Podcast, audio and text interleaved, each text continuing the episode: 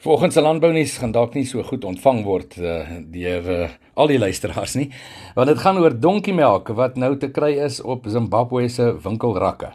Die Zimbabwe Mail wat berig oor Takua Natural Products wat 'n Botswana gebaseerde maatskappy is en hulle poog nou om hulle donkiemelk produksiebasis in Zimbabwe te vestig ten einde dan ook meer waarde tot die produkte voeg.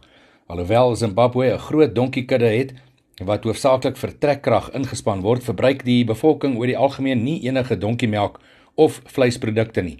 Onlangse navorsing het wel getoon dat donkiemelk oor talle gesondheidsvoordele beskik wat bevorderlik kan wees vir menslike gesondheid en veral velgesondheid.